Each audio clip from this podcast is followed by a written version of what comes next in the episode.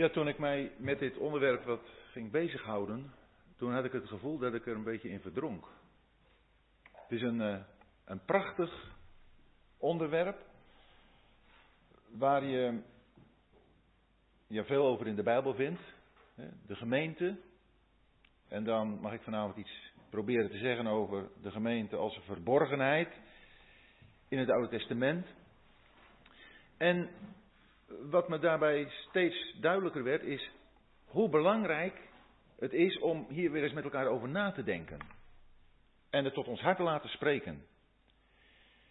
Ik heb eh, contact met iemand die zich heel veel in de evangelische wereld begeeft, daar veel spreekbeurten houdt.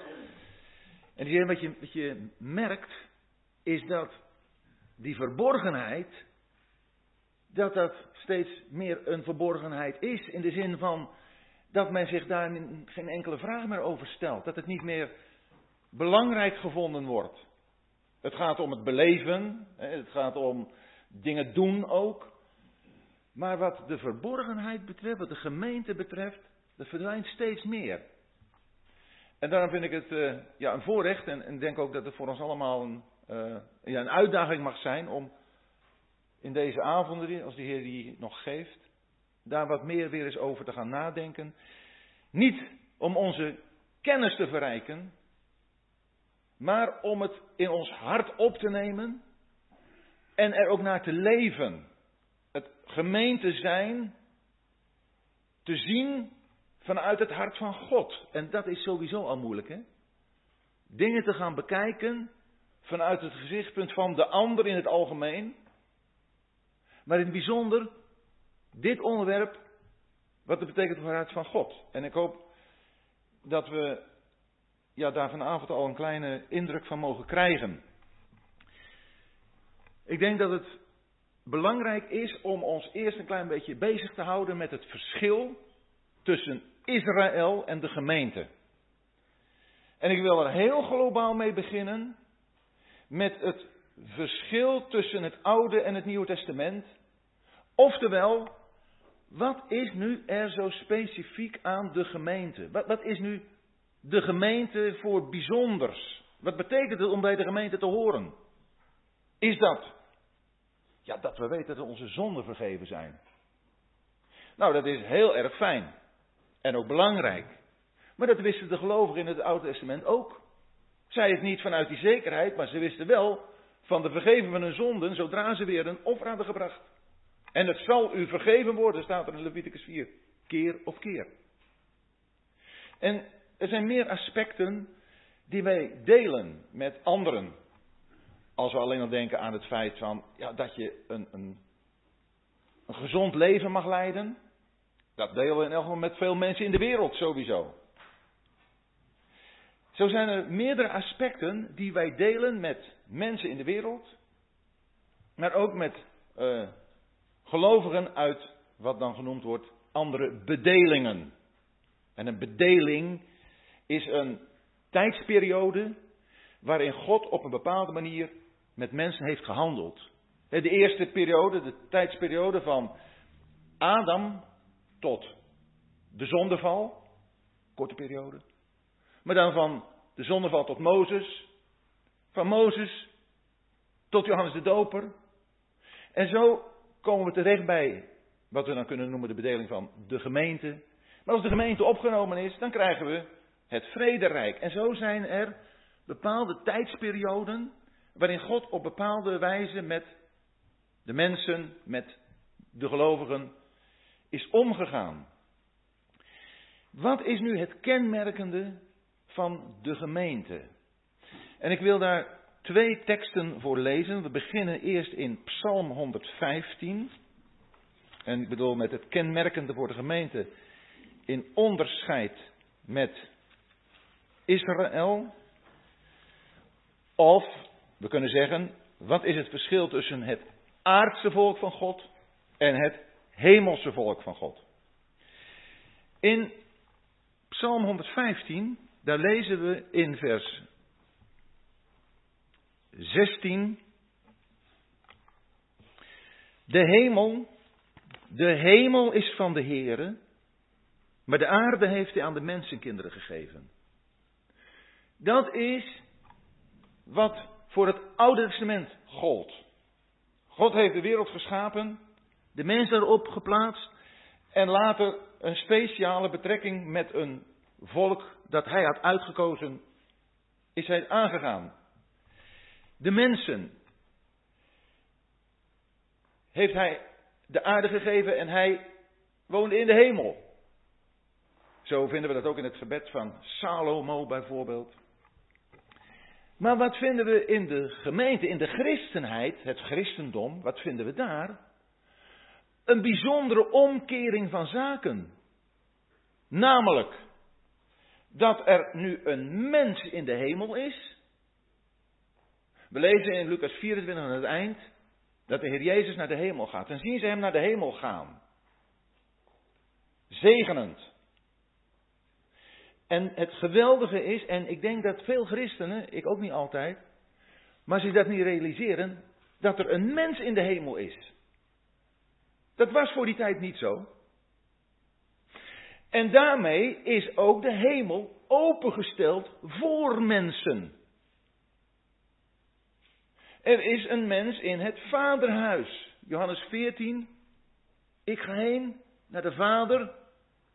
En als ik daar ben, dan mogen jullie daar bij mij zijn. Ongekend. Want de aarde was voor de mensen. En nu is er een mens in de hemel, waardoor wij mogen weten dat wij als mensen die met hem verbonden zijn, ook daar komen. En hoe dat in zijn werk is gegaan, willen we graag nog ook wat met elkaar over nadenken. Dat is de ene kant. En nadat de Heer Jezus naar de hemel is gegaan, heeft hij van daaruit de Heilige Geest gezonden. En nu woont er, nu woont God, de Heilige Geest, op aarde. Een omkering van zaken. In het Oude Testament. God in de hemel. Mensen op aarde. Het Nieuwe Testament. Een mens in de hemel. God op aarde. Dat is bijzonder. Dit vinden we als het grote verschil tussen het Oude Testament en het Nieuwe Testament. Tussen Gods aardse volk en Gods hemelse volk. Want dat heeft daar allemaal mee te maken. En als we nu gaan kijken naar wat de verschillen zijn tussen Israël en de gemeente. Nou, het is al helder dat de mensen de aarde hebben gekregen. En te midden van die mensen heeft God een speciaal volk geroepen. Om zijn volk te zijn. Daar heeft hij een bijzondere verbinding mee aangeknoopt. Daar heeft hij zich als de Heere, Yahweh, aan bekend gemaakt. De naam Heere is de naam van God in relatie tot de mens op aarde in het Oude Testament. We lezen dat goed heb in Exodus 6, dat God zegt, ik ben de Heere. Dat is opmerkelijk, als we Genesis 1 lezen, dan zien we daar dat God schiep. Maar in Genesis 2, waar God een relatie met de mens aangaat, met Adam, lezen we keer op keer over de Heere, de Heere God. De Heere, Yahweh, maakt duidelijk dat hij een relatie heeft met de mens. God heeft een volk uitgekozen om daarmee in verbinding te staan. Hoe kwam je ertoe om bij dat volk te horen? Ja, dat was gewoon door als Israëliet geboren te worden. Dan hoorde je bij dat volk. Goed, we weten ook dat het mogelijk was om ook als niet-Israëliet bij dat volk te gaan horen door de zogeheten proselietendoop. Maar fundamenteel was het zo dat je een Israëliet werd door gewoon als Israëliet geboren te worden. Daar zien we het geweldige verschil tussen wat een lid van de gemeente is. Dat heeft helemaal niets te maken met waar je vandaan komt, die natuurlijke afstamming. Dat heeft te maken met het feit dat je uit God geboren bent. Dat je van boven geboren bent. Dat je het nieuwe leven hebt. Dat nieuwe leven hadden de gelovigen uit het Oude Testament ook. Maar wat is dan het bijzondere van dit nieuwe leven dat de gemeente kent, dat de leden van de gemeente kennen? Dat is dat ze het eeuwige leven hebben. En, zoals de Heer Jezus zegt in Johannes 10, ze hebben dat in overvloed. Het is een leven wat in de Heer Jezus gestalte heeft, zichtbaar is, tot uiting komt. En dat is het leven dat de gemeente, dat ieder die tot de gemeente behoort, ontvangt zodra die in de Heer Jezus gelooft. Wie de zoon heeft, heeft het leven. En het leven, dat staat in verbinding met Hem die in de hemel is.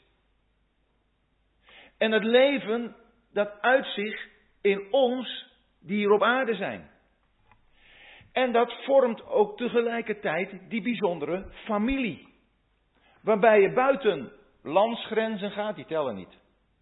Waarbij je buiten sociale omstandigheden gaat, slaven, heren, tellen niet. Het gaat erom dat je daarbij bedenkt dat ieder die dit leven uit God heeft, tot die familie hoort, die familiekring, waar ieder die dit leven heeft ook toe behoort. En we weten, als we denken aan een gewoon gezin, dan weten we dat de kinderen die in een gezin zijn geboren, broers en zussen zijn van elkaar. Ze hebben elkaar niet uitgekozen. Ze zullen met elkaar door het leven moeten gaan en elkaar als zodanig ook moeten accepteren. En zo is het ook met de gemeente, met hen die tot de gemeente behoren. Wij horen bij de gemeente. En dan moeten wij niet denken in de beperkte plaatselijke zin, zoals we dat mogen uiten. Plaatselijk is bijzonder voorrecht. Maar daarbij horen al Gods kinderen. Waar ze zich ook maar bevinden. In wat voor groep of kerk ze hebben gemeend zich ook maar te moeten aansluiten. Ze zijn allemaal lid van die gemeente vormen allemaal die familie. Horen allemaal bij Hem die in de hemel is. Dat is een bijzondere gedachte, is een groot voorrecht om dat ook zo vast te houden. Welk soort zegeningen hadden de Israëlieten? We lezen in het boek Deuteronomium over zegeningen van het veld. Zegeningen in de veestapel. Zegeningen in het gezin. Aardse zegeningen noemen we dat. Zegeningen die, en dat zijn dan de zegeningen die wij ook kunnen hebben. Maar dat zijn dus niet duidelijk, dat zijn duidelijk niet specifiek christelijke zegeningen. Het zijn in feite aardse zegeningen die horen bij Israël. Zijn dat onze zegeningen? We mogen ervoor danken. En het is belangrijk dat we ons realiseren dat de aardse zegeningen die we hebben, dat we die te danken hebben aan de Heer. Maar ze zijn echt niet specifiek christelijk. Deze zegeningen delen we ook met zoveel mensen in de wereld. En als wij ons daarop gaan richten, dan worden we minimaal aardsgezind en vergeten wij onze hemelse roeping. En ik vrees dat daar heel veel fout gaat, ook in het nadenken over, maar ook vooral in het uitleven van wat we zijn als gemeente. Ik las uh, vanmiddag, of uh, gisteren, ik weet niet meer precies, een stukje uit een biografie die ik pas ontdekt heb van Christopher Willis. Sommigen van ons wel bekend. Een broeder die uh, heel veel voor de Heer heeft gewerkt. En een kleinzoon van hem, dat had ik pas ontdekt, die heeft een biografie van hem geschreven. En Christopher Willis, die heeft op een gegeven moment een zusje gekregen, Little Hope, kleine hoop, dat zijn lievelingszusje was. De moeder van Christopher had als het ware ook die twee een beetje aan elkaar verbonden. Dat meisje is heel jong gestorven. Tot groot verdriet. En dan haalt de kleinzoon, Bill Willis, in die biografie aan van de moeder van Christopher. Toen onze kleine hoop stierf, toen is er van alles veranderd.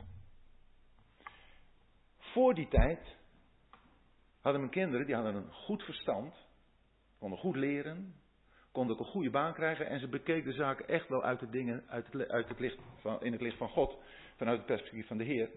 Maar was dat het? Ze zei, toen leefde ik voor de aarde. Wat zie je voor de aarde? Voor de Heer konden zijn. Hierna zijn mijn belangen verplaatst van de aarde naar de hemel.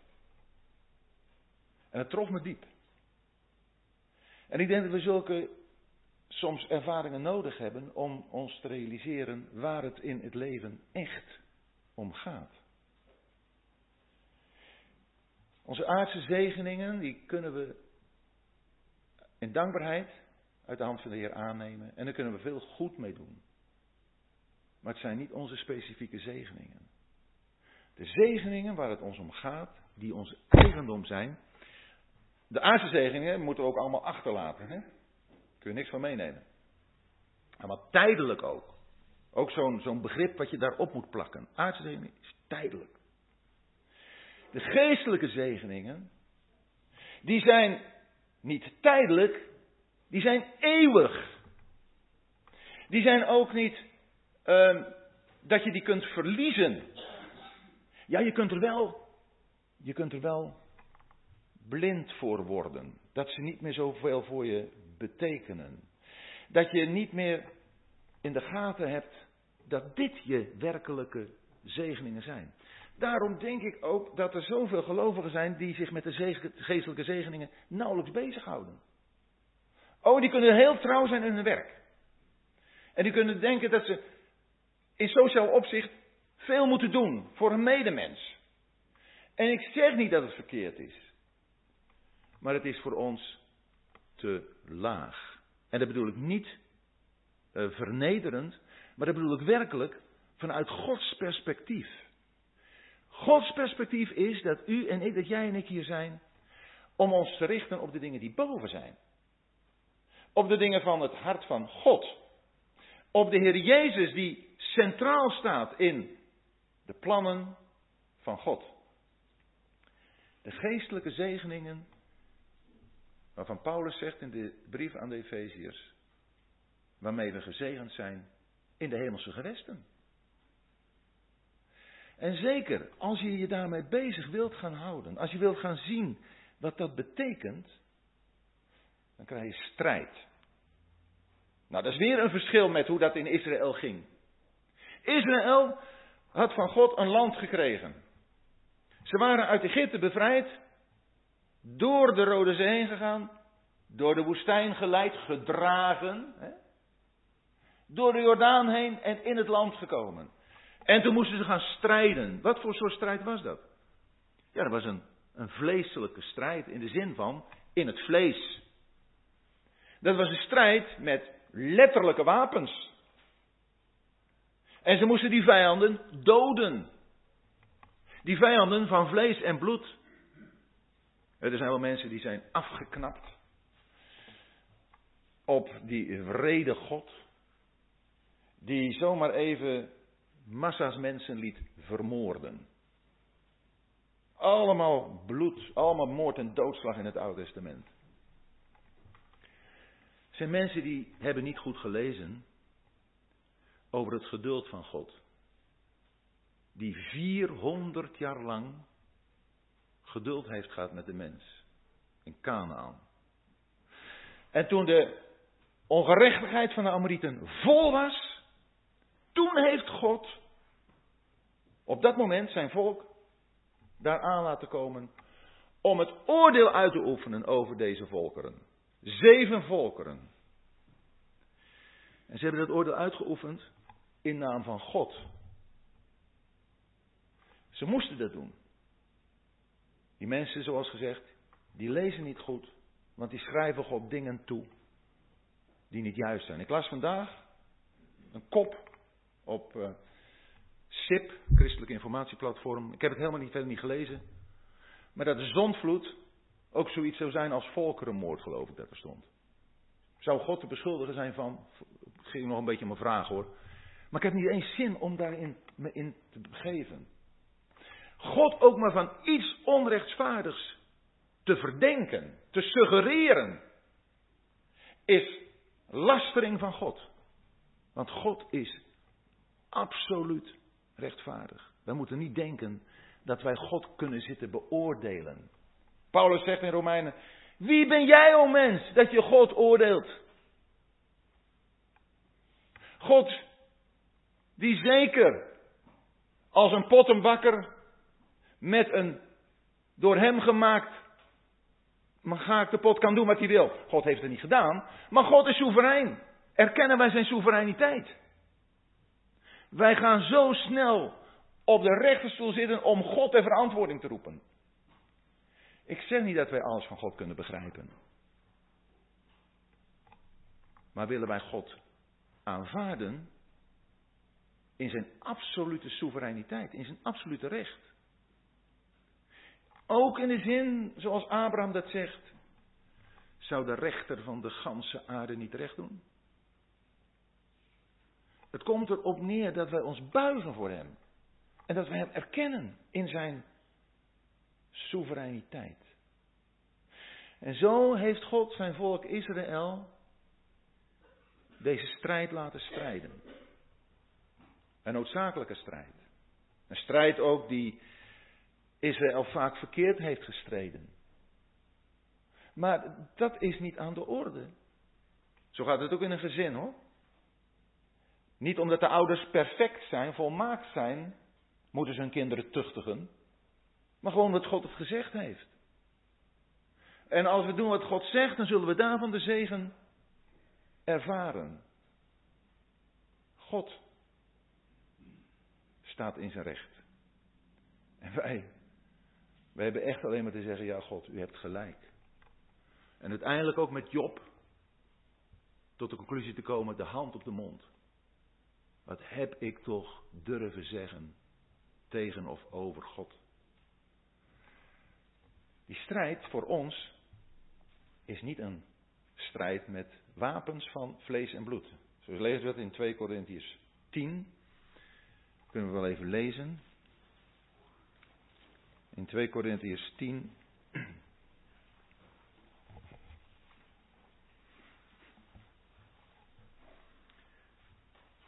Dan lezen we in vers 3.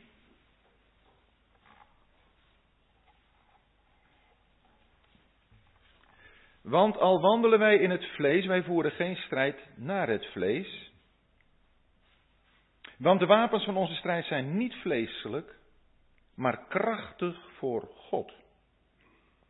Tot afbreken van bolwerken. Daar we de overleggingen in elke hoogte die zich verheft, de kennis voor God afbreken.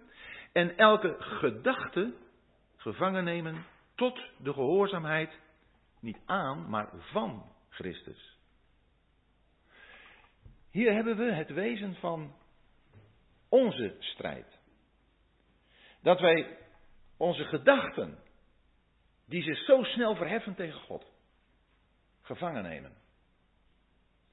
Dat we ze niet de kans geven om zich te vermenigvuldigen in een richting dat we in opstand tegen God komen. Maar dat wij zeggen, wij nemen ze gevangen tot de gehoorzaamheid van Christus. Dat betekent, op de manier zoals Christus gehoorzaam was, kunnen ook wij gehoorzaam zijn.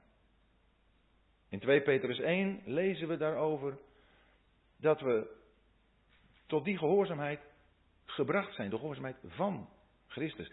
En wat was de gehoorzaamheid van Christus? Het was totale overgave aan de wil van zijn vader.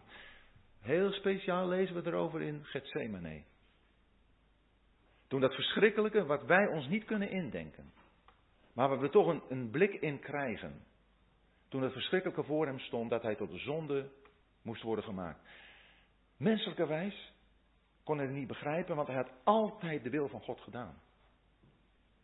Hij verdiende het niet.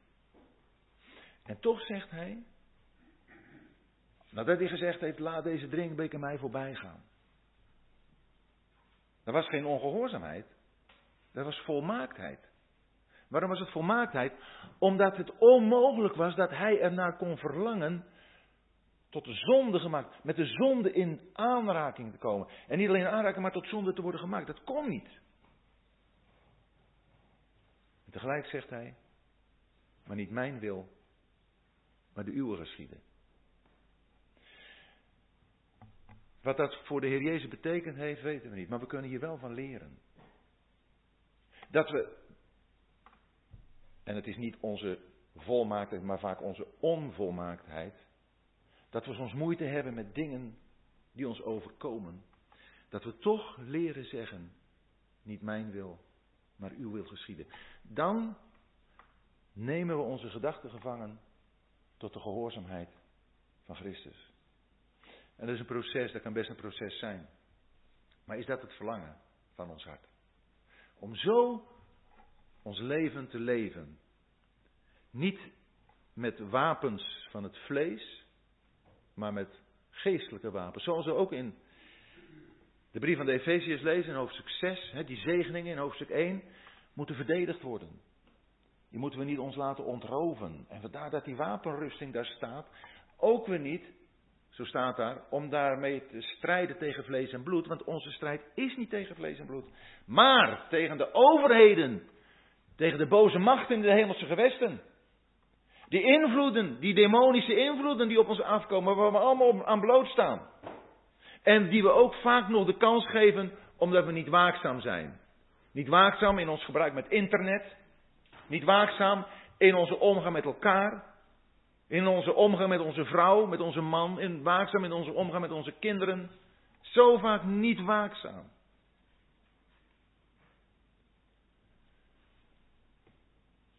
Die demonische machten, die zijn er. En als we de kans krijgen, zullen ze ons te pakken nemen. Zoals gezegd kan dat heel eenvoudig. Doordat hij ons geweldig druk laat zijn met de aardse dingen. Ons werk. En als die werk je hobby is, is het nog moeilijker. En zoveel andere dingen die, die in dit leven aanwezig zijn. En, en ja, waar de mensen van de wereld, ook veel vleeselijke christenen, zich druk om maken. En waarin je zomaar meegezogen wordt om het ook zo te gaan doen. Het is een enorme, een enorme list. En daarom laten we die strijd met de wapenrusting van God strijden.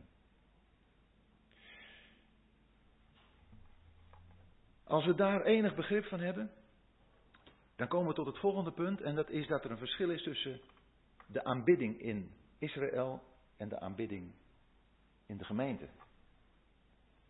De aanbidding in Israël was helemaal voorgeschreven. En in het boek Deuteronomium lees je 27 keer, als ik het goed heb, over de plaats die de Heere verkoren heeft om zijn naam daar te wonen. En daar moet je naartoe gaan met je offers. Een geografische plaats van aanbidding. Ook daar is veel in de christenheid uh, in verloren gegaan. Het oprichten van kerken, gebouwen die op een bijzondere manier gewijd zouden zijn. Want het Nieuwe Testament voor de gemeente is er zoiets niet van een gewijd gebouw, van een geografische plaats die je zou moeten opzoeken om daar God te kunnen dienen. De Heer Jezus heeft gezegd tegen de Samaritaanse vrouw, toen zij hem vroeg, of zij tegen de Heer, even lezen in Johannes 4,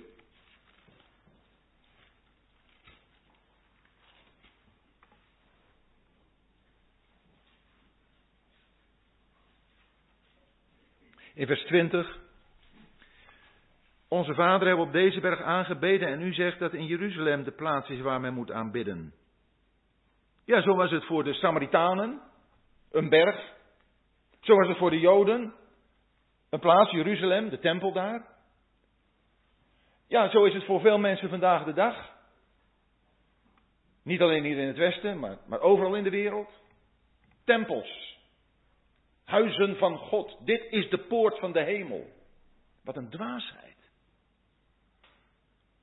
Hoe heeft de duivel het klaargekregen om een bepaalde uiterlijke zaak te verbinden aan wat voor ons puur innerlijk is? Dat is nou het overhevelen van Joodse aspecten naar het christendom. Maar we hoeven daar niet eens voor naar mensen te kijken die een, kerkgebouw laten plaatsen. Voor ons kan het ook zo zijn. De plek waar ik zit, daar hoor ik te zitten. Hé, je zit op mijn plek. Gaat het daarom? Het zit allemaal zo dicht bij ons, zo in ons hart. Waar het om gaat is dat er wordt, en dat zegt de Heer Jezus dan tegen de Samaritaanse vrouw, dat er wordt aangebeden in geest en in waarheid. Ook wij kunnen ons nog zo gemakkelijk druk maken om uiterlijke dingen. Zit dat wel goed? Staat dat wel juist? Drukt hij zich wel op de goede manier uit? We hebben ook zo onze normen. Terwijl we voorbij gaan aan het feit dat het gaat om ons hart. En ik zeg niet dat het dan maar allemaal platvloers moet of dat. Het gaat erom dat we proeven waar het in werkelijkheid om gaat. Om de geestelijke betekenis. Dat er wordt aangebeden in geest en waarheid. En dat je dat overal kunt doen. Hebreeën 13 zegt. Laten wij dan door hem, door de Heer Jezus, te allen tijden God die offers brengen van lof en dank. Thuis, als je aan het strijken bent, Thuis als je de afwas doet. Thuis als je de kinderen naar bed brengt. Op je werk. Overal. Heel bijzonder mag je het doen als je als gemeente samenkomt. Dan mag je het als gemeente doen. Maar het gaat erom, en dat kan trouwens ook overal. Als je niet kunt samenkomen in een lokaal, dan ga je in een huis. En als je niet in een huis mag, dan ga je ergens in de buitenlucht, in de bossen. Het maakt niet uit.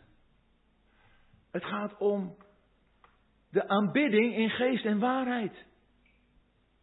De geest, de Heilige Geest die ons daarin leidt. En in overeenstemming met de waarheid van Gods woord. Dat we niet in onze gebeden, in onze dankzegging of in ons denken dingen hebben over de Heer Jezus. Die niet in overeenstemming zijn met het woord.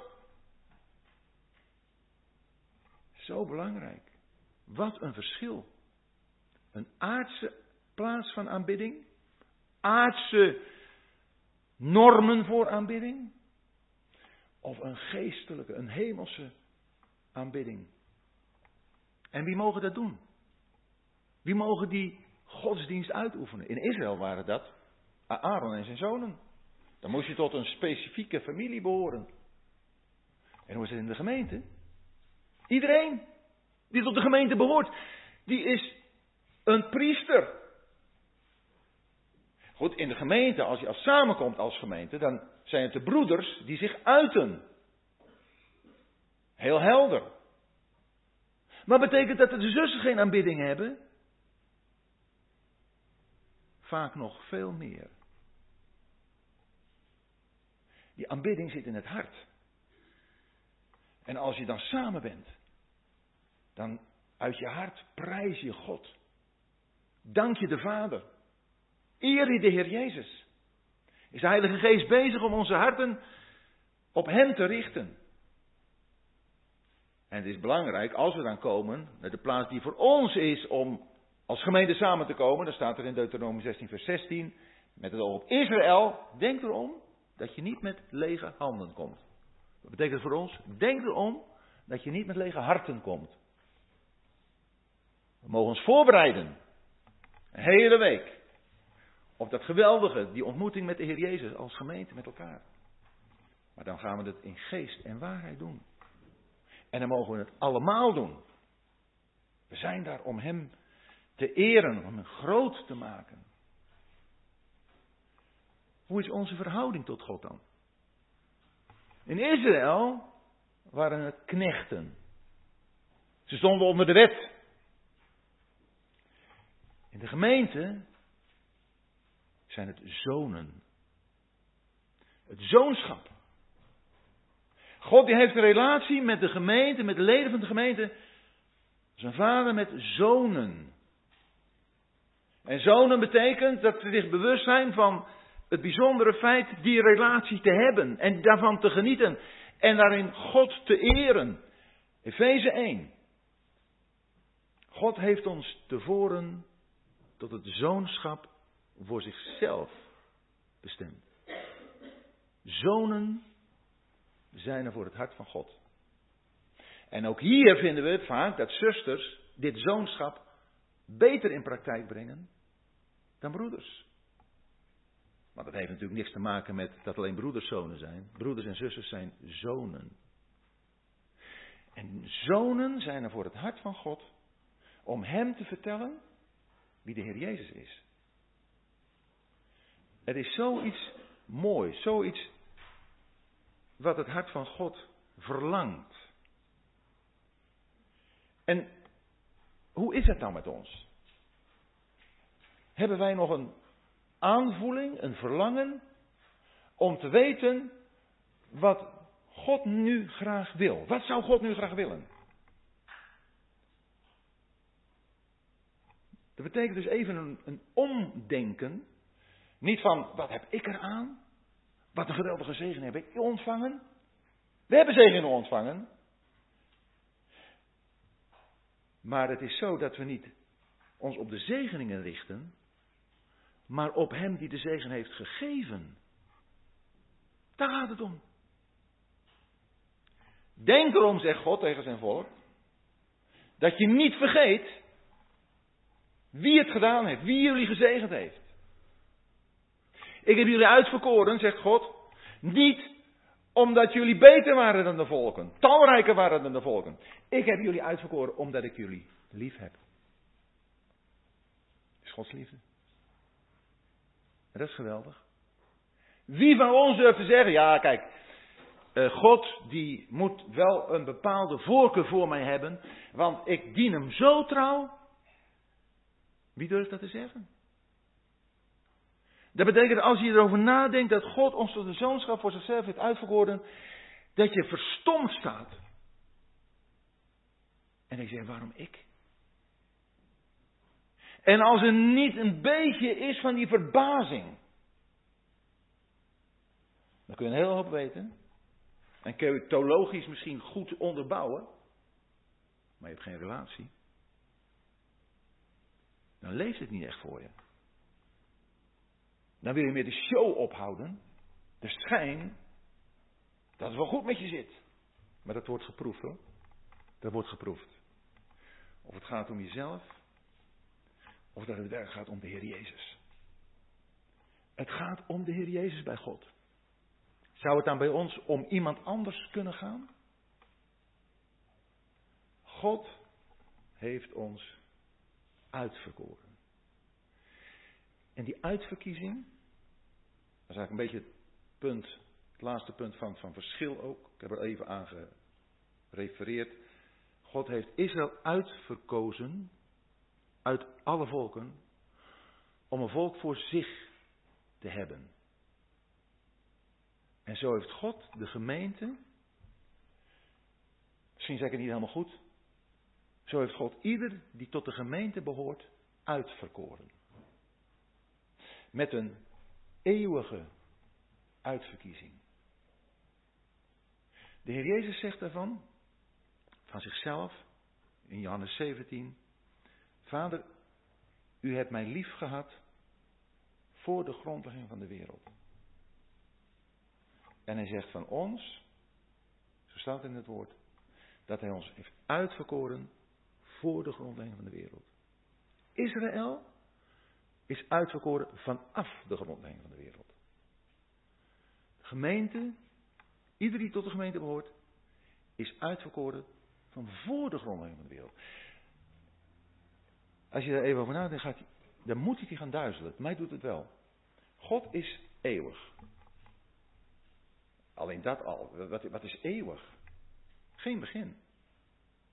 Dat, dat gaat ons denken gewoon te boven. Dat God er is, Vader, Zoon en Heilige Geest. die geen begin heeft, aan wie zou hij zijn begin te danken moeten hebben? Wie zou hem moeten hebben doen ontstaan? Het geloof begrijpt dat. Dat God eeuwig is. En die eeuwige God heeft als een eeuwige gedachte ieder in zijn hart gehad die de Heer Jezus heeft aangenomen. Kun je dat begrijpen? Ik begrijp er helemaal niks van.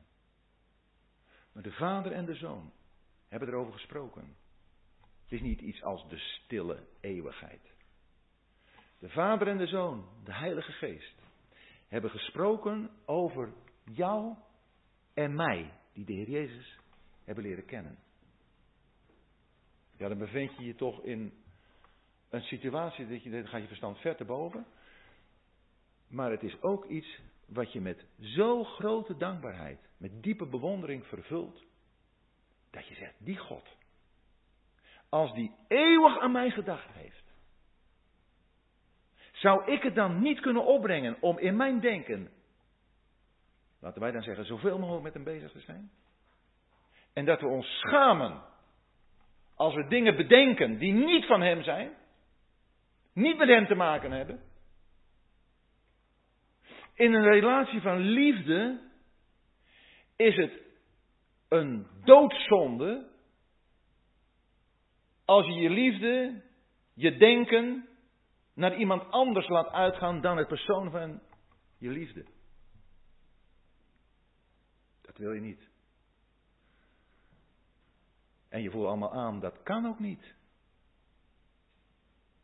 Maar wij schepen God vaak af met een beetje restant van tijd. Een restant van geld. Een restant van, nou ja, als we eens wat over hebben, dan kunnen we wat voor hem doen. Hij die altijd zich met ons heeft bezig gehouden. En die vanaf het moment dat we geboren zijn, ons gevolgd is. En op het door hem bepaalde moment tot bekering heeft gebracht. Want het geloof is niet uit ons, hè? Uit genade ben je behouden. Door het geloof. En dat niet uit u, het is de gave van God. Wat blijft er dan van ons over? Het kan niet anders. Of er komt diepe dankbaarheid in ons hart met een verlangen om voor Hem te leven. Om alles wat we hebben en alles wat we zijn aan Hem te geven. Om van Hem te getuigen. En Paulus heeft dat goed begrepen. Paulus heeft dat wat hem is geopenbaard, en daar willen we na de pauze over gaan nadenken. Paulus heeft die openbaring van die verborgenheid zo kostbaar geacht, dat hij daarvoor niet heeft verzwegen, daarvoor heeft hij het evangelie gepredikt en daarvoor is hij in de gevangenis terechtgekomen. Ja, het kost wat. Het, het moet wat kosten, want anders dan denk ik dat we gewoon niet begrepen hebben wat ons in Christus gegeven is. Die gemeente is tot stand gekomen door de Heer Jezus. God heeft een rechtvaardige grondslag. God heeft niet alleen maar dingen bedacht. En, en weet uh, zo'n woord al bedenken, of, of. Dan heb ik de gedachte. Dat God ineens op een bepaalde gedachte gekomen is. Je bedenkt iets, dan, dan komt er iets op. Maar het is bij God niet zo. God heeft er al, is er altijd mee bezig geweest. Een eeuwige liefde had hij. Maar toen de zondeval kwam, toen leek het alsof al dat wat God zich voorgenomen had niet kon doorgaan. Maar luister, God is natuurlijk niet door iets overvallen. God is de alwetende God, de God die voorkennis heeft. Hij weet het allemaal. En de Heer Jezus, van hem lezen wij, is het lam voorgekend voor de grondlegging van de wereld. God wist dat de Heer Jezus het lam zou zijn. En toen is de Heer Jezus gekomen. En hij heeft het werk op het kruis volbracht. En hij heeft daarvoor ieder die in hem gelooft, het oordeel gedragen. Niet voor alle mensen.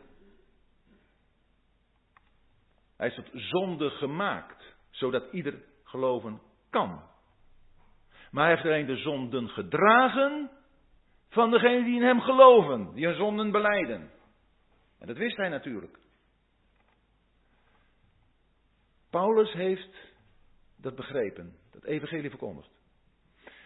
Omdat er een basis is gelegd waarop God een rechtvaardige grondslag heeft gevonden om dit evangelie door te geven. En die gemeente, dat wat hij van eeuwigheid zich had voorgenomen, tot stand te brengen.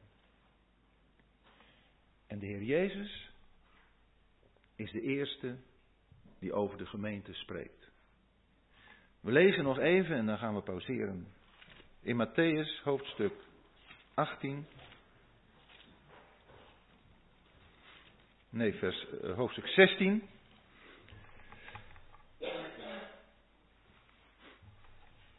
Matthäus 16.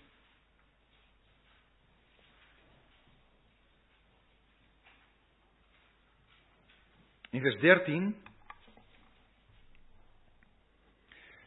Toen nu Jezus gekomen was in de streken van Caesarea Philippi, vroeg hij zijn discipelen al dus: Wie zeggen de mensen dat de zoon des mensen is? Zij nu zeiden, sommigen Johannes de Doper, en anderen Elia, en weer anderen Jeremia of een van de profeten. Hij zei tot hen, u echter, wie zegt u dat ik ben?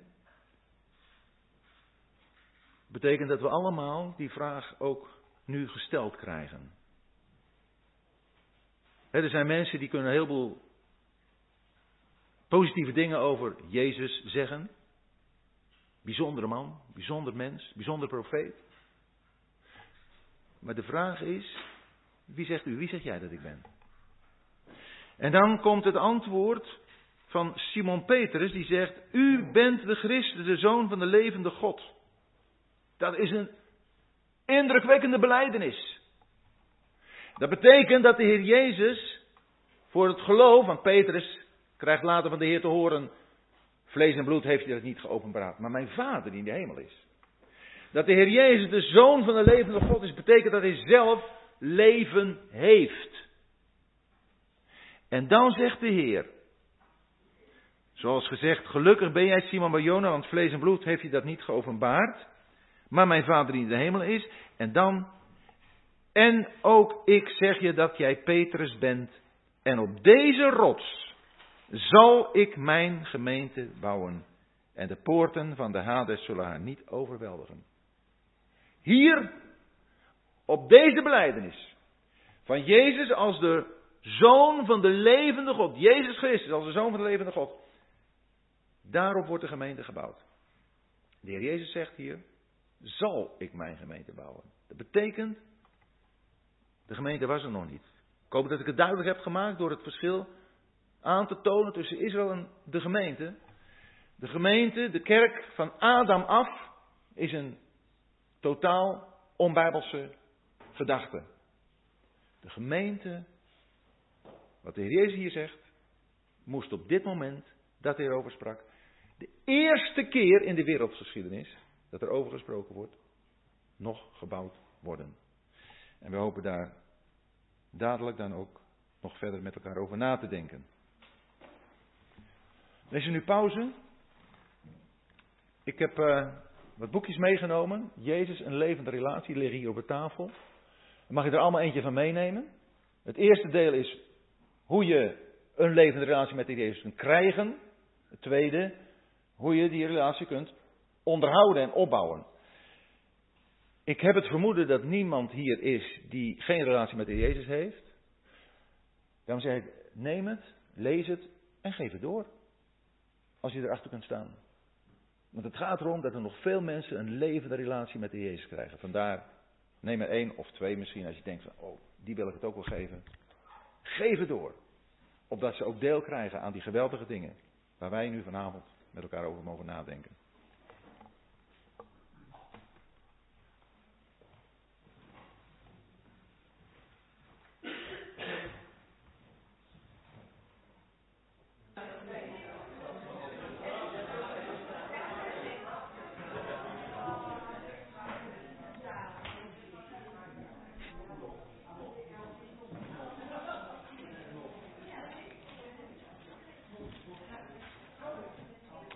Wij willen met elkaar uit uh, de brief aan de Colossensen, uit hoofdstuk 1 een paar versen lezen en nog uit de brief aan de Efeziërs. Eerst Colossensen 1.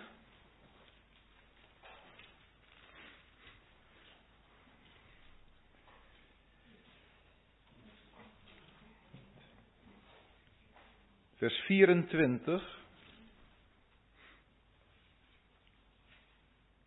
Daar schrijft Paulus, thans verblijd ik mij in mijn lijden voor u en vul in mijn vlees aan wat nog ontbreekt aan de verdrukkingen van Christus voor zijn lichaam, dat is de gemeente, waarvan ik een dienaar geworden ben overeenkomstig het rentmeesterschap van God dat mij gegeven is voor u, om het woord van God te voleindigen. De verborgenheid, die van alle eeuwen en geslachten verborgen is geweest, maar die nu geopenbaard is aan zijn heiligen.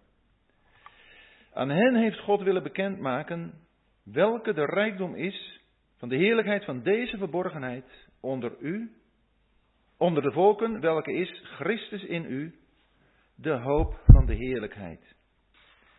Hem verkondigen wij, terwijl wij iedere mens terechtwijzen en iedere mens leren in alle wijsheid, om iedere mens volmaakt te stellen in Christus.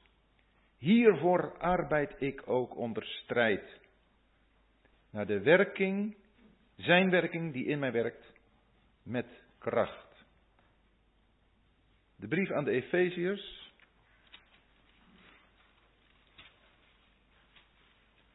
Hoofdstuk 3.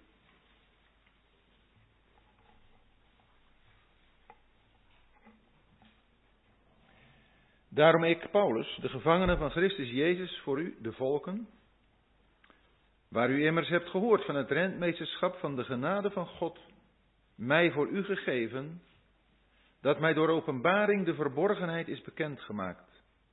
Zoals ik tevoren in het kort geschreven heb. Daardoor kunt u, als u dit leest, mijn inzicht opmerken in de verborgenheid van Christus. Die in de andere geslachten, de zonen van de mensen, niet bekendgemaakt is, zoals zij nu in de geest geopenbaard is aan zijn heilige apostelen en profeten.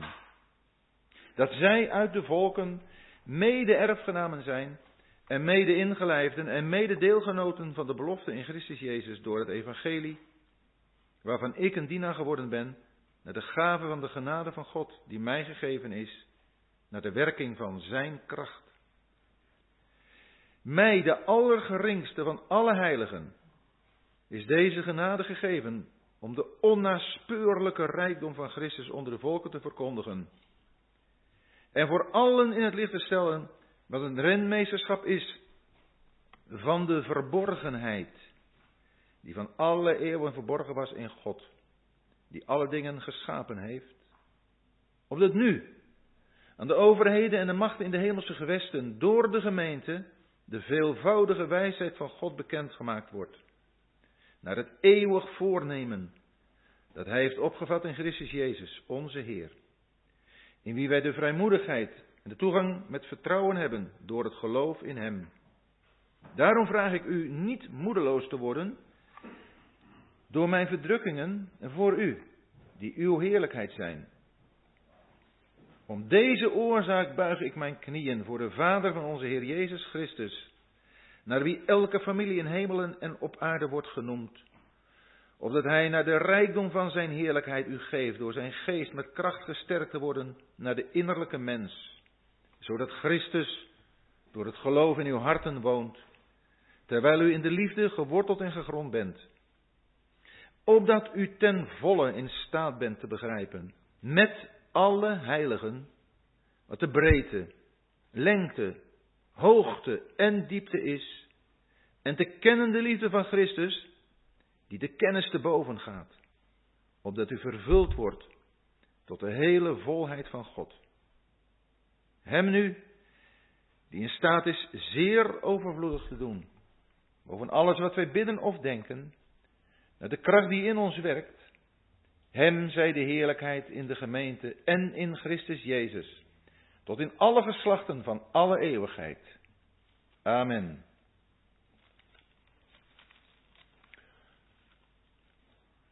Ik denk dat we door het verschil wat we hebben gezien tussen Israël en de gemeente, al hebben begrepen dat de gemeente in het Oude Testament een verborgenheid was. Dat wil zeggen dat daarover niet werd gesproken. In het Oude Testament zul je niets vinden over de gemeente. Het was een verborgenheid in God. God had dat, zoals al gezegd, vanaf eeuwigheid in zijn hart om op een bepaald moment bekend te maken. We hebben gezien dat de Heer Jezus in Matthäus 16 voor het eerst in de wereldgeschiedenis over de gemeente spreekt. We hebben wel in het Oude Testament de gemeente van Israël, maar we hebben gezien dat is een aards volk. We hebben ook, mijn ergens in handelingen, dat er sprake is van een gemeente in een bepaalde plaats. In, dan, dan, gaat het over een, een volksvergadering. Hier gaat het erover dat de Heer Jezus heeft gezegd: zal ik, toekomst, maar mijn gemeente bouwen. Wat God van eeuwigheid af als plan had, is door de Heer Jezus hier in Matthäus 16 aangekondigd. Als een gebeurtenis die nog moest plaatsvinden. Daarvoor moest hij naar het kruis gaan. Ik kan er nu niet op ingaan dat het ook veel betekenend is. We hebben dat voor de pauze gelezen. Dat de Heer Jezus erover spreekt in het gebied van Caesarea Philippi. Een gebied dat spreekt van Caesar, keizer van Rome. En Filippi, naar Philippus I van Herodes. Wat aangeeft dat het volk Israël onder vreemde heerschappij was. Vanwege ontrouw aan God. En als je het evangelie naar Matthäus vanaf hoofdstuk 1 leest, dan is ook duidelijk dat het volk hem heeft verworpen. En vanuit die positie van de verworpenen spreekt de Heer Jezus over iets wat hij voor zijn aandacht heeft. Daar heeft hij over gesproken in hoofdstuk 13. Een gelijkenis over het koninkrijk der hemel dat gelijk is aan een parel van grote waarde. En daarvan heeft hij gezegd, ik zal mijn gemeente bouwen. Hij heeft daarvoor de grondslag gelegd op het kruis. we weten uit Handelingen 20, wat Paulus zegt tegen de oudste van deze Efeze, die brief hebben we gelezen, dat God de gemeente heeft verworven door het bloed van zijn eigen. Het bloed is de grondslag. En de Heer Jezus heeft die grondslag gelegd. En wanneer is nu de gemeente ontstaan? Dat weten we uit het boek Handelingen. Hoe daar, nadat de Heer Jezus verheerlijkt is, daar heeft de Heer gesproken in Johannes 7, dat de Heilige Geest, die kon nog niet komen, omdat Jezus nog niet verheerlijkt was. Maar als hij verheerlijkt zou zijn, dan zou hij de Heilige Geest zenden. En dat gebeurt in Handelingen 2. En dan is dat gezelschap van 120 mensen, waar de Heilige Geest in het huis waar ze zich bevinden neerdaalt. En dan worden ze allemaal met de Heilige Geest vervuld. En vanaf dat moment woont de Heilige Geest, God, de Heilige Geest op aarde, en gaat hij de gemeente vormen. En het is de apostel Paulus aan wie de verborgenheid bekend is gemaakt. Een bekendmaking die de dienst van Paulus ten diepste heeft gekenmerkt. Het is, en we hebben dat gelezen in Colosse, moeten we nog maar even lezen, in Colossers, Colossensen 1. Het is hem gegeven, in vers 25, overeenkomstig het rentmeesterschap van God, om u, om het woord van God te voleindigen. Wat wil dat zeggen?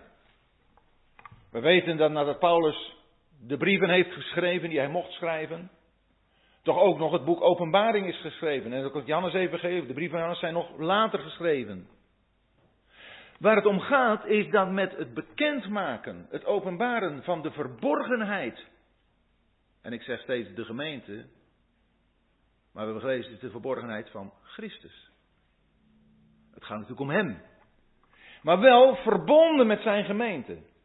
Maar die verborgenheid, dat is de laatste waarheid die God heeft willen bekendmaken. In het Oude Testament zijn er veel waarheden bekendgemaakt. Over het plan van God met zijn volk. Over de komst van Christus als de verlosser voor zijn volk, de Messias voor zijn volk. Een vrederijk dat er zal komen. Gerechtigheid, vrede, allemaal bekend. Maar dit, die verborgenheid, Christus en de gemeente, dat was nog niet bekend. En Gods woord is met het bekendmaken van deze verborgenheid voleindigd, vol geworden. Er is niets meer wat nog aan nieuwe openbaringen komt. En het is aan Paulus gegeven om dit bekend te maken. Die verborgenheid, daarover lezen we, kunnen we trouwens nog wel even lezen in 1 Corinthiërs 2. Die verborgenheid is niet voortgekomen uit het hart van een mens. In vers 9. Nee, we beginnen bij vers 6. Maar wij spreken wijsheid onder de volmaakten. Maar wijsheid niet van deze wereld. Ook niet van de overste van deze wereld, die teniet gedaan worden. Maar wij spreken Gods wijsheid in verborgenheid. De bedekte wijsheid. Die God voor alle eeuwen heeft voorbestemd tot onze heerlijkheid. Die geen van de oversten van deze wereld heeft gekend. Want als zij haar hadden gekend, zouden zij de Heer der heerlijkheid niet gekruisigd hebben. Maar zoals geschreven staat, wat geen oog heeft gezien en geen oor heeft gehoord en in geen mensenhart is opgekomen, wat God bereid heeft voor hen die hem liefhebben. En velen stoppen dan met lezen. Zeggen, ja, zie wat, het is toch te hoog gegrepen om je daarmee bezig te houden. Want dat, dat kan een mens toch niet bevatten. Maar wat staat er in vers 10? Want ons heeft God het geopenbaard door de geest. Het is de Heilige Geest door wie de gemeente is ontstaan, die ook bekend maakt wat de gemeente is. En het is van grote, het, spreekt van grote ondankbaarheid als wij wat God wil bekendmaken, van zeggen, nou ja, weet je, dat is te hoog, te diep, daar kan ik allemaal niet bij. Het is helemaal geen kwestie van het intellect. Het gaat niet om je verstandelijke vermogens. Het gaat om je hart. Heb je er een verlangen naar? En de Heilige Geest, die alle diepten onderzoekt, ook die van God, die maakt het bekend. Het is zelfs zo dat het verstand ons in de weg kan zitten. Maar het is aan eenvoudigen, aan kinderen geopenbaard, zegt de Heer Jezus. Vader, ik dank u dat u dit voor wijzen en verstandigen verborgen hebt. Dan gaat het om de dingen te begrijpen vanuit het natuurlijk verstand. Inderdaad, dat kan ook niet, want het komt helemaal niet uit de mens voort, het komt uit God voort. Maar dan is God het ook, God de Heilige Geest, die het ons bekend kan maken. En dan komt er maar op aan, hebben wij een verlangen?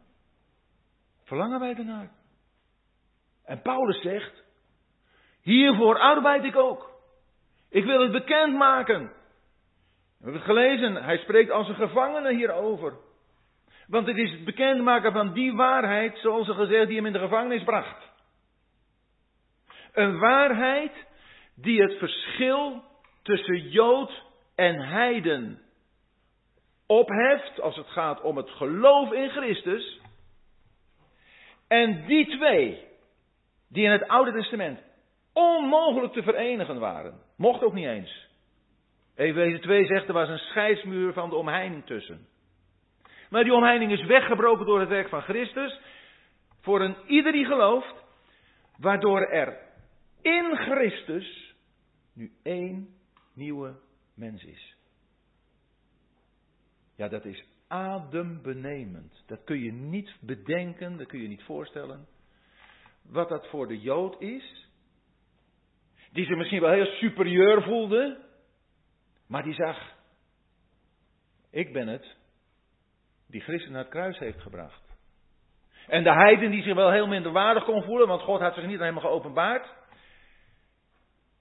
Maar door het geloof is er geen Jood of Griek, maar is er één lichaam, één gemeente in Christus. En Efeze 1 maakt duidelijk dat die gemeente verbonden is met het hoofd in de hemel. Dat is de brief van de Efeziërs. En de brief van de Colossensen zegt ons dat in het lichaam, de gemeente op aarde, het hoofd, Christus, aanwezig is. Christus in u. Wij zijn in Christus in de hemel en Christus is in ons op aarde. Wat een vereenzelviging. Wat een zegen. Wat een verantwoordelijkheid. Wat een mogelijkheid om Hem te verheerlijken. Paulus die heeft zich deze dienst zo aangetrokken, daar is hij zo mee omgegaan, dat hij gezegd heeft, Hem verkondigen wij, terwijl we iedere mens terechtwijzen en iedere mens leren in alle wijsheid om iedere mens volmaakt te stellen in Christus. Dat betekent dat, wij zijn niet Paulus, maar ik hoop dat we eenzelfde verlangen hebben, om als we mensen spreken over de Heer Jezus, over het evangelie, dat het maar niet voldoende is dat iemand gered wordt. Prachtig. Belangrijk. Maar het gaat er ook om dat wie gered is, gaat beseffen wie hij is in Christus. Dat hij gaat groeien in Christus. En dat hij uiteindelijk tot die volmaaktheid in Christus komt. En dat betekent dat hij volwassen wordt. Zo volwassen, om het met Johannes te zeggen, dat hij een vader in Christus wordt. En wat betekent dat?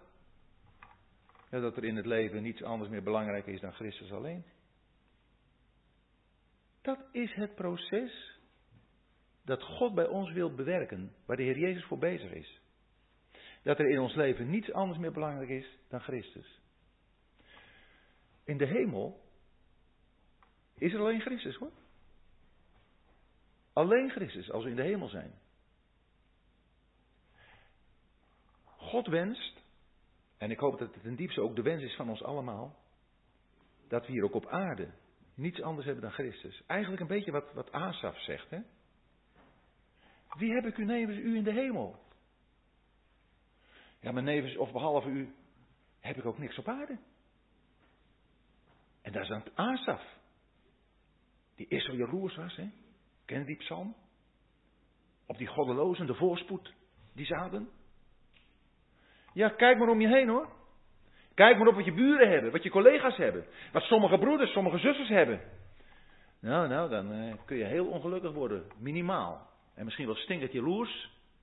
En dan raak je ook nog verbitterd. Maar je kijkt gewoon te laag.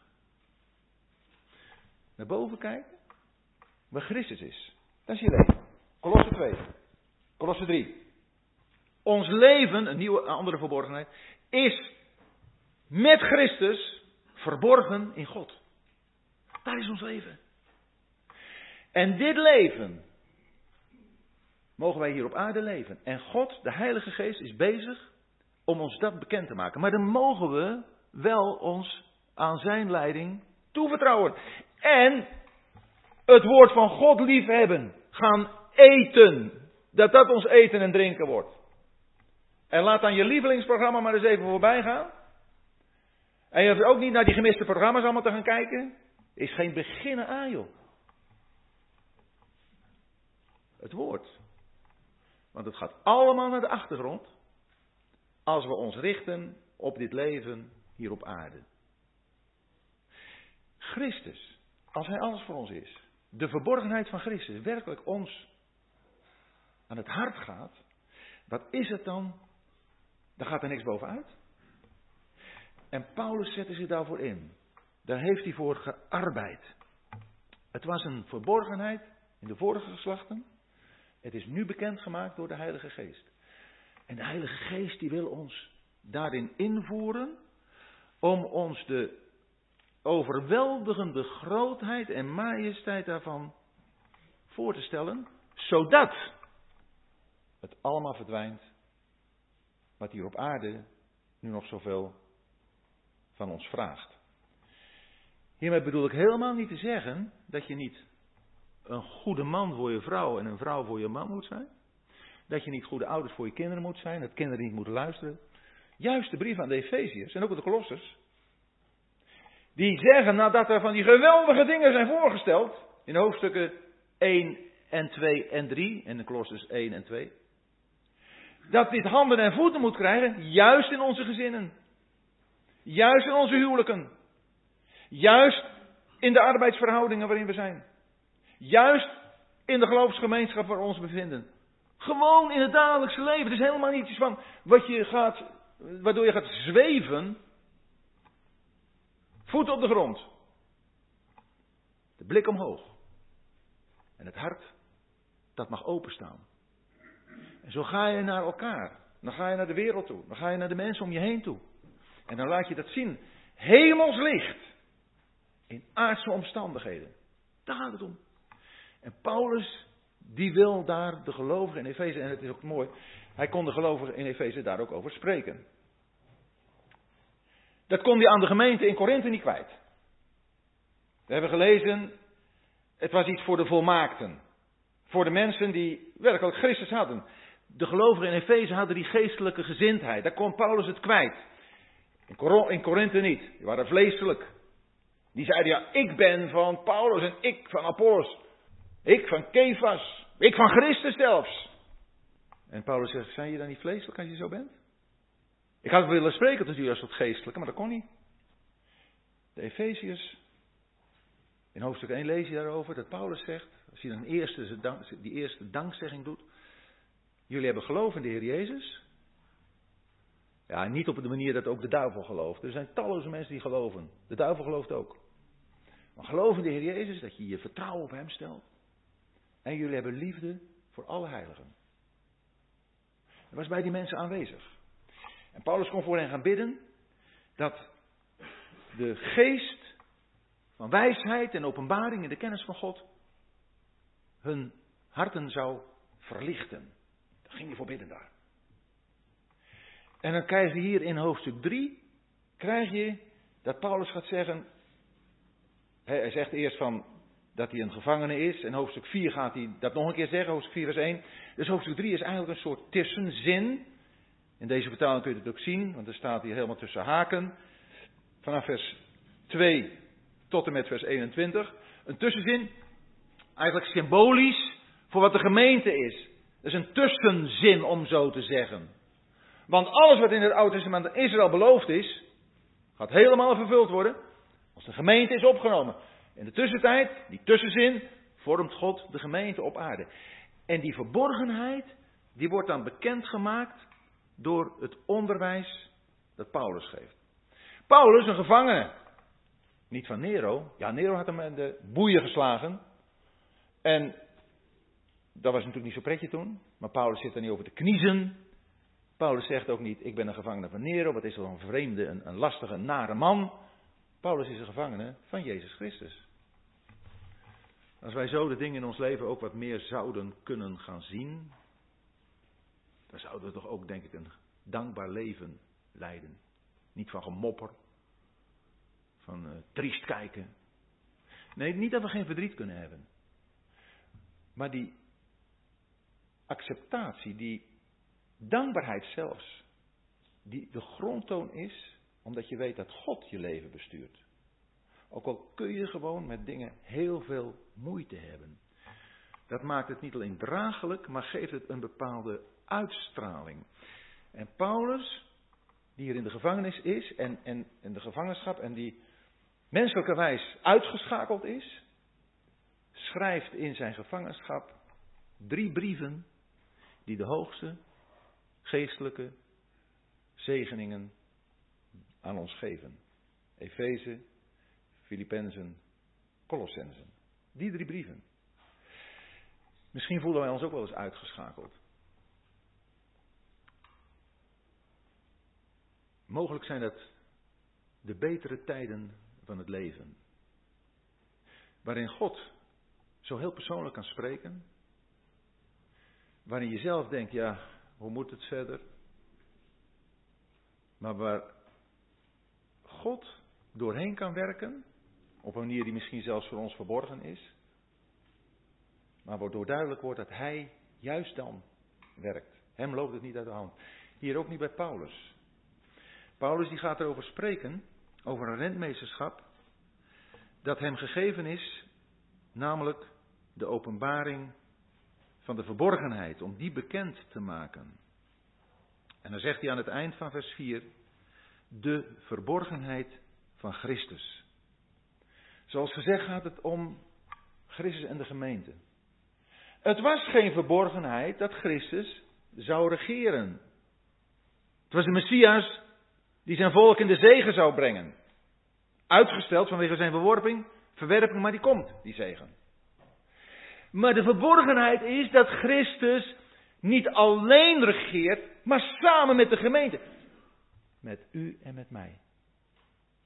Wij gaan daarbij zijn. Als de Heer Jezus de gemeente opneemt, en alle oud-testamentische gelovigen, want als hij komt, dan staan allen die in Christus gestorven zijn op, vanaf Adam tot op dat moment. Maar de gemeente neemt daar een aparte positie in in. En dan komen we mee terug. De oud-testamentische gelovigen die gestorven zijn, die zullen geweldige zegeningen ontvangen in de hemelse kant van het vrederijk. Abraham, Isaac, Jacob krijgen allemaal wat ze beloofd is hoor.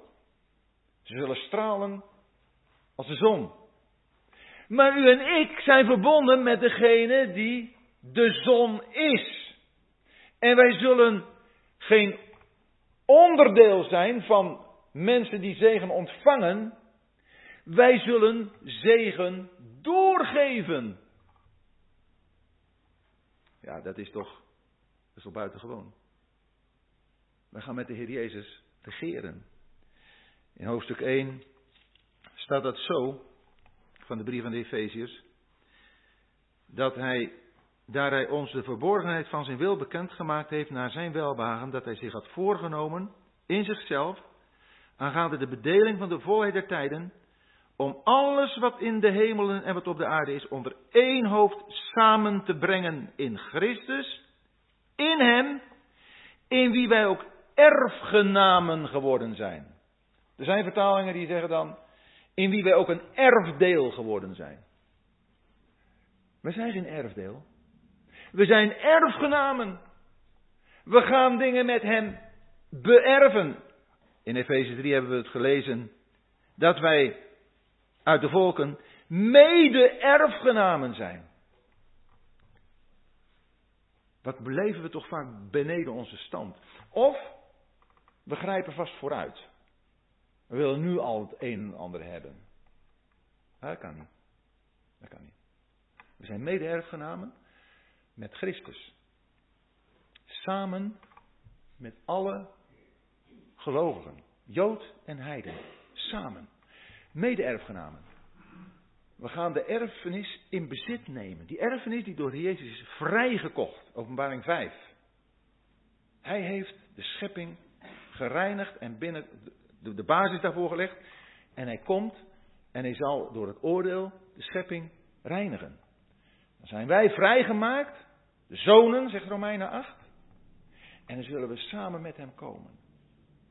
We zijn, zegt Efeze 3 verder, niet alleen mede-erfgenamen, maar ook mede-ingelijfden. Dat is helemaal iets wat een eenheid voorstelt. We zijn zo met hem verenigd, mede ingelijfden. mede erfgenaam kun je nog zijn, los van elkaar. Maar mede ingelijfde ben je samen, echt helemaal als een eenheid met hem. En dan, we zijn het mede deelgenoten van de belofte. Want het heeft een oorsprong. Die belofte, welke belofte is dat? Ik denk dat het de belofte is waarover we lezen in Titus 1. De belofte, wordt er iets anders genoemd, maar het gewoon hetzelfde. De belofte van het eeuwige leven, die God, die niet liegen kan, gedaan heeft. Een belofte doe je aan iemand. Het is de belofte van de vader aan de zoon. De vader heeft aan de zoon beloofd dat er een geweldige erfenis is. En dat de zoon die met zijn gemeente samen in bezit zal nemen. Is de belofte ook van het eeuwige leven, want dat hangt er allemaal mee samen. En weet je, en dat zijn van die dingen, dan gaat het me een beetje duizelen en denk hoe moet ik me dat voorstellen? Ik kan dat niet zo heel goed mezelf voorstellen, maar als ik het lees en ik denk erover na, denk ik, ja, dit is van God. Dit kan geen mens bedenken. Je kunt het ook niet echt uitleggen. Je kunt proberen wat van deze dingen te zeggen, door te geven voor jezelf in je hart op te nemen. Maar wat het concreet betekent, ja, dan kan ik alleen maar naar de Heer Jezus kijken. Want het is de verborgenheid van Christus. En als ik aan Hem denk, dan weet ik, Hij heeft alles verdiend. Ik niet, wij niet. Maar als wat Hij verdiend heeft, dan ga ik in delen. Deel ik nu al in, maar dan zal ik ook straks in delen als die situatie aanbreekt. En het gaat nog, nog verder. Want het gaat tenslotte zover dat wij met hem in het vaderhuis zullen zijn. Er komt een moment dat de aarde en de hemel zullen wegvluchten. Na de laatste opstand van de duivel, dan wordt ook dat wat zo heerlijk geweest is, het vrederijk, wordt weggedaan alles en komt er een nieuwe hemel en een nieuwe aarde. En het bijzondere is dat u en ik daar innerlijk al deel aan hebben. Want wij zijn een nieuwe schepping. Een nieuwe schepping. Wij zijn, zegt Jacobus, eerstelingen van zijn schepselen. Ja, je moet het maar geloven hoor. Maar dit is het. Hier gaat het om. En wat zijn wij vaak als dat vrouwtje, die uh, kreeg een, een cheque van, uh, bekend voorbeeld, maar ik vind het altijd wel mooi. Die kreeg een cheque van haar zoon van ver weg. Laat maar even zeggen, zoon die een arm vrouwtje, een zoon die, die woont in Amerika. Ze krijgt een cheque van 100.000 dollar. En ze zegt, jongen, wat een mooi papiertje. Het is van mijn zoon, dit moet ik inlijsten en dat hang ik aan de muur. Want ja, dat is toch een bijzondere attentie van die zoon. Maar daar heeft die zoon dat toch niet voor gegeven. Ze moet die cheque verzilveren. En dan kan ze een fijne oude dag hebben. En zo zijn veel christenen. Ja, we weten het wel. En het is ook mooi. Maar, maar er iets mee doen. Het meer onderzoeken. Wat het allemaal inhoudt de bijzondere betekenis ervan die het heeft voor ons praktisch leven. Het gaat er niet om dat we fraaie bespiegelingen hebben. Het gaat erom dat we het ons eigen maken. En Paulus die bidt daarvoor. Hij zegt eerst nog dat het gaat om een veelvoudige wijsheid van God. Hij, hij realiseert zich, het, wat ik, waar ik me mee bezig houden, mag houden, ja, dat ik ben de allergeringste van alle heiligen die deze genade gegeven is. In de eerste plaats, als je er iets van gaat realiseren, dan, dan verdwijn je zelf. Dan zeg je, hoe is het mogelijk dat God dat ook aan mij heeft besteed? Dat ik daar deel van mag uitmaken. Dan voel je gewoon de geringste, de allergeringste van alle heiligen. Is een genade die mij gegeven is. Om die onnaspeurlijke rijkdom van Christus onder de volken te verkondigen. Iets van wat in alle eeuwen verborgen was. En het is ook iets, zegt Paulus, wat nu aan de overheden en de, en de macht in de hemelse gewesten bekend maakt over de veelvoudige wijsheid van God. Geloven wij in een engelenwereld? Ja, die is er. Er zijn er die uh, hebben daar hele vervelende herinneringen aan, soms nog last van. Maar die is er. De gemeente, die maakt aan die engelenwereld, boze en goede, duidelijk de wijsheid van God. En waaruit bestaat die wijsheid van God? Dat jij en ik, ieder van ons, die eerst zulke verdorven zonderen waren, in opstand tegen God, door zijn werk, door bekering en wedergeboorte, nu verbonden zijn aan hem die ze vroeger hebben bespot en vermoord. En die nu zo verbonden zijn aan hem dat ze alles mogen delen wat hij heeft verdiend. Nou, dat kan toch geen mens bedenken? Of is er iemand die denkt van ja, ik, ik verdien het wel een beetje. Nou, dan kun je verdwijnen, want dat is niet waar. En dan krijg je ook niks. Want een echte gelovige zal dat niet zeggen.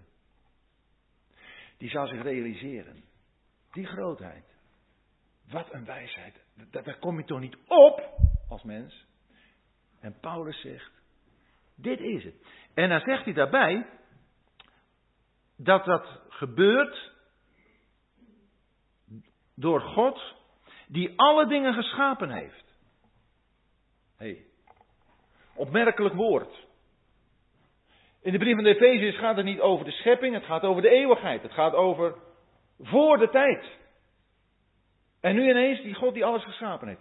Ja, want de schepping, de oude schepping, is het platform dat God gebruikt om die wijsheid te openbaren. Hij had ons direct onze bekering tot zich kunnen nemen. Maar hij wil juist dat wij in deze oude schepping deze wijsheid vertonen. Wat laten wij daarvan zien? De mensen in onze buurt, de mensen op ons werk, de mensen van de wereld in het algemeen, die zullen aan ons zien dat we leven in verbinding met iets wat voor hen totaal onzichtbaar is, ook dwaasheid is. Gek zijn ze toch? Op een mooie zomerse dag op een zondag ergens in een duf lokaaltje te gaan zitten. Om zich bezig te houden met dingen, ja. Dat... Maar voor het hart, het geloof, is het het kostbaarste. Omdat het gaat om Hem, die het hart van God totaal vult. Hier op aarde wordt door jou en mij de wijsheid van God tentoongespreid.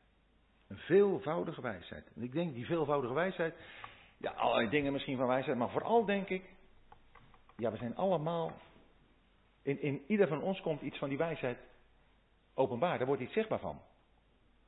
Dat, dat God mij, dat God jou heeft uitverkoren om erbij te horen, om dat zichtbaar te maken. Ja, dat is voor iets. De engelen die staan stom verbaasd. Die engelen hebben geweldig gevonden dat God een schepping heeft gemaakt. Jubelden ze.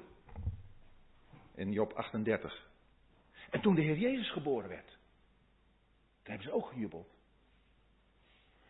En nu kijken ze naar beneden en dan zien ze de gemeente. Zien ze al die mensen die, die deel uitmaken van de gemeente. Die, die leven niet voor deze wereld, die leven voor de hemel. Die zijn verbonden met hun schepper. En in hun leven, als gemeente, wordt de schepper zichtbaar. Daar kijken ze met verbazing op neer. Die wijsheid wordt zichtbaar. En Paulus zegt, en dat brengt hem zo onder de indruk, en ik hoop dat dat bij mij, bij ons ook zo is. Paulus zegt, om deze oorzaak buig ik mijn knieën. Dan gaat hij gewoon zijn knieën. Hij kan niet anders dan God daarvoor eren, dan God daarvoor danken, naar de Vader want dat is hier tot wie hij, dat is degene tot wie hij zich richt. Om deze oorzaak buig mijn knieën voor de Vader van onze Heer Jezus Christus. En dan, dan bidt hij. Dat is een tweede gebed. En ik hoop dat wij dat ook voor elkaar gaan bidden. Dan bidt hij dat het geloof Dat Christus door het geloof in de harten woont. Dat Christus, want wat is het hart? Dat is het centrum van ons bestaan, ons mens zijn. Dat Christus in het centrum van ons bestaan zal wonen. Terwijl u in de liefde geworteld en gegrond bent. De, de liefde is de voedingsbodem. Dat daarin geworteld zijn betekent uit de liefde je levenssappen halen. Maar de liefde is niet alleen een voedingsbodem, het is ook een basis, een fundament waarop je kunt bouwen. Het is waarop je gegrond bent. Als de liefde niet is, wordt het allemaal niks. Als je erin geworteld bent en op gegrond bent, dan kan gebeuren, opdat u ten volle in staat bent te begrijpen, met alle heiligen. We hebben al, daar zijn we allemaal voor nodig. Daar kunnen we niet in ons uppie. We hebben elkaar voor nodig, iedere gelovige. We hebben nodig, omdat u in staat bent te begrijpen, met alle heiligen, wat de breedte, lengte, hoogte en diepte is. Waarvan? Staat er niet bij, hè? Van de raadsbesluiten van God? Mogelijk wel. Van de liefde? Ja, ook. De breedte van de gemeente? Van, van, de breedte heeft te maken met dat het allen omvat die hierbij behoren. Die nu leven op aarde. De lengte, het, het is iets van eeuwigheid tot eeuwigheid. De hoogte, kijk naar de Heer Jezus. Dat is onze plaats. De diepte, we waren diep in onze zonde. De Heer Jezus is dieper gegaan. Liefde. Daardoor kennen we de liefde van Christus. En die gaat uiteindelijk kennis te boven. Ook dat voorbeeld is vaker gebruikt. Het kind dat met zijn emmertje aan de oceaan staat. En het emmertje in de oceaan doet, vol oceaanwater. En zegt, ik heb de oceaan in mijn emmertje. Ja. En tegelijkertijd een onmetelijke oceaan daar. Zo is het. Die liefde, die kan ons hart vullen. Maar natuurlijk nooit in zijn volheid. Maar het is wel die liefde. Diezelfde liefde. En dan, opdat u dan zou komen, de liefde van Christus, die de kennis erboven gaat, opdat u vervuld wordt tot de hele volheid van God. Ja goed, dan, dan blijft er gewoon niks meer over. Dan ben helemaal vol. Wie is tot deze dingen in staat? Paulus zegt, uiteindelijk niemand, maar hem nu, die in staat is, zeer overvloedig te doen boven alles wat wij bidden of denken. Met de kracht die in ons werkt. Hem zij de heerlijkheid in de gemeente en in Christus Jezus. Tot alle geslachten van alle eeuwigheid. Amen. Laten we ervoor bidden. Als wij hiervoor gaan bidden, dan gaat er wat veranderen.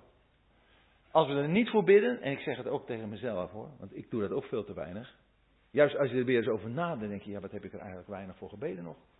Misschien is het een van de oorzaken dat we met elkaar zo weinig van deze verborgenheid kennen, laat staan, zichtbaar maken. Maar we zijn gewoon zo druk met allerlei andere dingen.